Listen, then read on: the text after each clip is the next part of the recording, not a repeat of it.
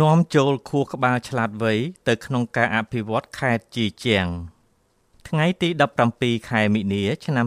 2003នៅក្នុងកាលវិភាគដ៏តឹងតែងនៃមហាសន្និបាតនៃសភាទាំងពីររបស់ប្រទេសចិន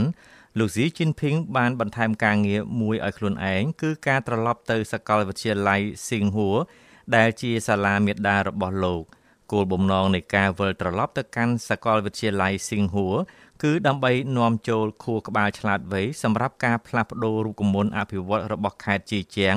ដោយសង្ឃឹមថាអាចទទួលបានការគ្រប់គ្រងលើវិស័យបច្ចេកវិទ្យានិងធនធានមនុស្សជាដើមពីសាកលវិទ្យាល័យស៊ីងហួរ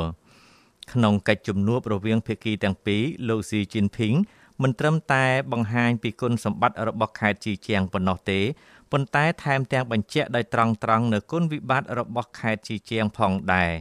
ខេត្តជីជាង មានប្រព័ន្ធសេដ្ឋកិច្ចទីផ្សារដ៏ល្អពេញលេញបង្គួរនិងមានលក្ខណៈអភិវឌ្ឍសេដ្ឋកិច្ចក្នុងតំបន់ជាក់ស្ដែងហើយប្រជាជនមានភាពក្លាហានក្នុងការងារនិងការច្នៃប្រឌិតថ្មីទន្ទឹមនឹងនេះរចនាសម្ព័ន្ធឧស្សាហកម្មរបស់ខេត្តជីជាង នៅតែស្ថិតក្នុងកម្រិតទាបនៅឡើយគុណភាពទាំងមូលនិងសមត្ថភាពប្រកួតប្រជែងនៃសេដ្ឋកិច្ច ត្រូវតែធ្វើឲ្យប្រសើរឡើងហើយត្រូវបង្កើនប្រសិទ្ធភាពនិងធ្វើឲ្យប្រសើរឡើងបន្ថែមទៀតនៅសមត្ថភាពច្នៃប្រឌិតថ្មីខាងបច្ចេកវិទ្យានិងវិទ្យាសាស្ត្រការលើកកម្ពស់កម្រិតនៃការច្នៃប្រឌិតថ្មីខាងវិទ្យាសាស្ត្រនិងបច្ចេកវិទ្យាគឺជាបំណងប្រាថ្នាដ៏មុតមមរបស់ខេត្តជាជាងការចរចាលើកនេះបានคล้ายជាបំណងសហការក្នុងការបង្កើតវិទ្យាស្ថានសិក្សាស្រាវជ្រាវដីសណ្ដទន្លេយ៉ងសេជីជាងស៊ីងហួរ នៅថ្ងៃទី31ខែធ្នូឆ្នាំ2003រដ្ឋាភិបាលប្រជាជនខេត្តជាជាង និងសាកលវិទ្យាល័យស៊ីងហួរបានចុះហត្ថលេខាលើកិច្ចសន្យា ដើម្បីរួមគ្នាកសាងវិទ្យាស្ថានសិក្សាស្រាវជ្រាវដីសណ្ដទន្លេយ៉ងសេជីជាងស៊ីងហួរនៅក្នុងពិធីចុះហត្ថលេខានេះ លោកចៅហៃមេងដែលពេលនោះជាអនុប្រធានប្រតិបត្តិអចិន្ត្រៃយ៍វិទ្យាស្ថានវិទ្យាសាស្ត្រនៃសាកលវិទ្យាល័យស៊ីងហួរត្រូវបានតែងតាំងជាព្រឹទ្ធបរិះអាណត្តិទី1នៃវិទ្យាស្ថានបន្ទាប់ពីពិធីបុណ្យចូលឆ្នាំចិនក្នុងឆ្នាំ2004លោកចៅហៃមេងនិងអ្នកសិក្សាស្រាវជ្រាវចំនួន7អ្នកផ្សេងទៀតបានមកក្រុងជាស៊ីងហើយបានរើទៅការិយាល័យបណ្ដោះអាសន្នចាក់ចេញពីក្រុងប៉េកាំងមកកាន់ខេត្តជាជាង ហើយទៅកាន់វិទ្យាស្ថានសិក្សាស្រាវជ្រាវដែលមិនទាន់លេចចេញជារូបរាងធ្វើឲ្យអ្នកខ្លះមានអារម្មណ៍មិនស្ងប់ចិត្តលោកស៊ីជីនភីងបានយកចិត្តទុកដាក់យ៉ាងខ្លាំងចំពោះការអភិវឌ្ឍវិទ្យាស្ថាននិងការងារនិងជីវភាពរស់នៅរបស់អ្នកសិក្សាស្រាវជ្រាវហើយតែងសួរសុខទុក្ខជារឿយរឿយនៅថ្ងៃទី23ខែមិនិនាឆ្នាំ2004លោកស៊ីជីនភីងបានអញ្ជើញទៅដល់ក្រុងជាស៊ីង ដើម្បីចុះត្រួតពិនិត្យការងារទីតាំងនៃវិទ្យាស្ថានសិក្សាស្រាវជ្រាវដោយសារការអនុវត្តការគ្រប់គ្រងម៉ាក្រូដោយរដ្ឋាភិបាលក្នុងឆមាសទី1ដីគម្រោងត្រូវបានបង្កករយៈពេលកន្លះឆ្នាំ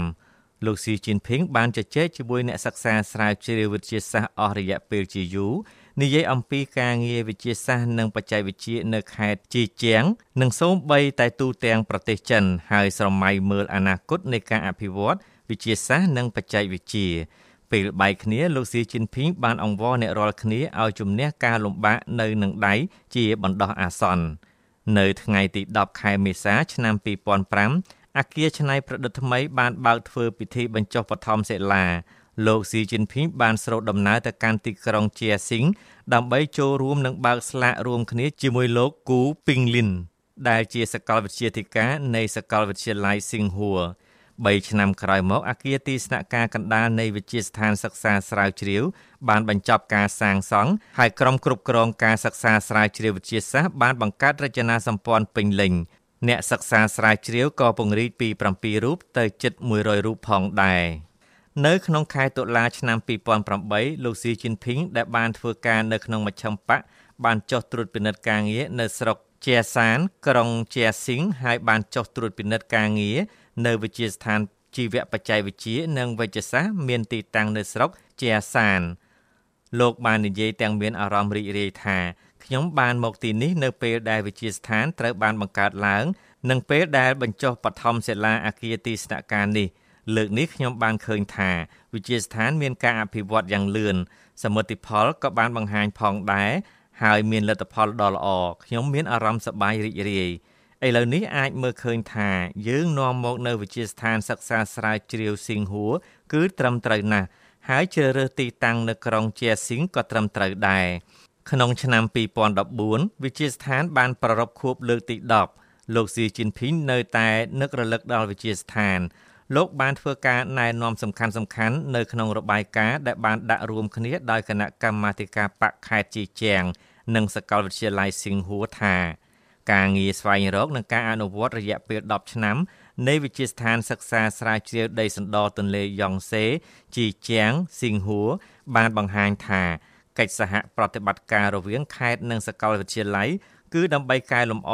ការបែងចែកធនធានវិទ្យាសាស្ត្រនិងបច្ចេកវិទ្យាជំរុញការផ្លាស់ប្តូរសមិទ្ធផលវិទ្យាសាស្ត្រនិងបច្ចេកវិទ្យាដើម្បីសម្រេចបាននូវគំរូដ៏មានប្រសិទ្ធភាពសមាហរណកម្មរវាងវិទ្យាសាស្ត្រនិងបច្ចេកវិទ្យានិងសេដ្ឋកិច្ចសង្ឃឹមថាពង្រីកសមិទ្ធផលនៃកិច្ចសហប្រតិបត្តិការរវាងខេត្តនិងសាកលវិទ្យាល័យ ធ្វើឲ្យស៊ីជម្រៅគ្រប់ជ្រុងជ្រោយនៅកំណែតម្រង់ប្រព័ន្ធវិទ្យាសាស្ត្រនិងបច្ចេកវិទ្យាហើយខិតខំកសាងវិទ្យាស្ថានសិក្សាស្រាវជ្រាវដីសណ្ដទន្លេយ៉ង់សេទៅជាក្រុមហ៊ុនផ្ដល់ការច្នៃប្រឌិតថ្មី ដែលមានកម្រិតខ្ពស់ដើម្បីរួមចំណែកកាន់តែច្រើន ក្នុងការជំរុញការកសាងប្រព័ន្ធអ្នកវានុវត្តក្នុងតំបន់ គិតមកដល់ចុងឆ្នាំ2021វិទ្យាស្ថានបានបង្កើតមជ្ឈមណ្ឌលសិក្សាស្រាវជ្រាវនិងការអភិវឌ្ឍកម្រិតជាតិចំនួន3មន្ទីរពិសោធន៍សំខាន់សំខាន់កម្រិតខេត្តចំនួន8វេទិកាច្នៃប្រឌិតថ្មីសំខាន់សំខាន់និងវិទ្យាស្ថានសិក្សាស្រាវជ្រាវឯកទេសមួយចំនួននៅក្នុងវិស័យច្នៃប្រឌិតសំខាន់សំខាន់បណ្ដាញសេវាវិទ្យាសាស្ត្រនិងបច្ចេកវិទ្យានៃវិទ្យាស្ថានសិក្សាស្រាវជ្រាវគ្របដណ្ដប់ជាង50ស្រុកទីក្រុងសង្កាត់ នៅក្នុងតំបន់ដីសណ្ដទន្លេយ៉ង់សេដែលបានបម្រើឲ្យសហគ្រាសជាង10000ជារៀងរាល់ឆ្នាំក្រោមការជំរុញរបស់លោក Xi Jinping នៅក្នុងឆ្នាំ2004បណ្ឌិតសភាវិទ្យាសាស្ត្រចិននិងខេត្តជាជាង បានចុះហត្ថលេខាជាផ្លូវការលើកិច្ចសន្យាអំពីរួមគ្នាកសាងវិទ្យាស្ថានបច្ចេកវិទ្យានិងវិស្វកម្មសម្ភារៈក្រុងនីងប៉ូ ហើយនៅឆ្នាំបន្ទាប់វិទ្យាស្ថានបានរួមគ្នាកសាងដោយភាគីទាំងពីរបានគ្របដណ្ដប់ពាសពេញខេត្តនៅថ្ងៃទី6ខែមិថុនាឆ្នាំ2005ដោយពឹងផ្អែកលើសាកលវិទ្យាល័យជីជាងរដ្ឋបាលខេត្តនិងវិទ្យាស្ថាន Nano បច្ចេកវិទ្យា California បានរួមគ្នាបង្កើតវិទ្យាស្ថាន Nano បច្ចេកវិទ្យាអន្តរជាតិជីជាង California ដែលក្រោយមកបានក្លាយជាមជ្ឈមណ្ឌលសិក្សាស្រាវជ្រាវផ្នែក Nano បច្ចេកវិទ្យាទូទាំងប្រទេសចិនថ្នាក់ជាតិតែមួយគត់គិតមកដល់ចុងឆ្នាំ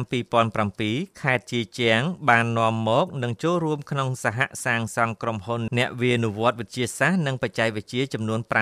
530និងតាក់ទាញបុគ្គលិកវិទ្យាសាស្ត្រនិងបច្ចេកវិទ្យាចំនួន13437នាក់ គម្រោងសមិទ្ធផលវិទ្យាសាស្ត្រនិងបច្ចេកវិទ្យាចំនួន1178ហើយគម្រោងដែលបានដាក់ពាក្យសុំប៉ាតង់ចំនួន1037និងវិនិយោគ18.98លានយួនប្រាក់ចិនក្នុងការងារសិក្សាស្រាវជ្រាវនិងអភិវឌ្ឍលោកស៊ីជីនភីងបានមានប្រសាសន៍ថាក្រុមហ៊ុននីមួយៗបានតាក់ទាញធនធានដ៏សម្បូរបែបនិងជំរុញខេត្តជីជាងពន្លឿនការផ្លាស់ប្ដូររបស់ខ្លួន ទៅជាខេត្តច្នៃប្រឌិតថ្មីឯករាជ្យ ការច្នៃប្រឌិតថ្មីបានក្លាយជាកម្លាំងចលករទី1ដែលដឹកនាំការអភិវឌ្ឍខេត្តជីជាង។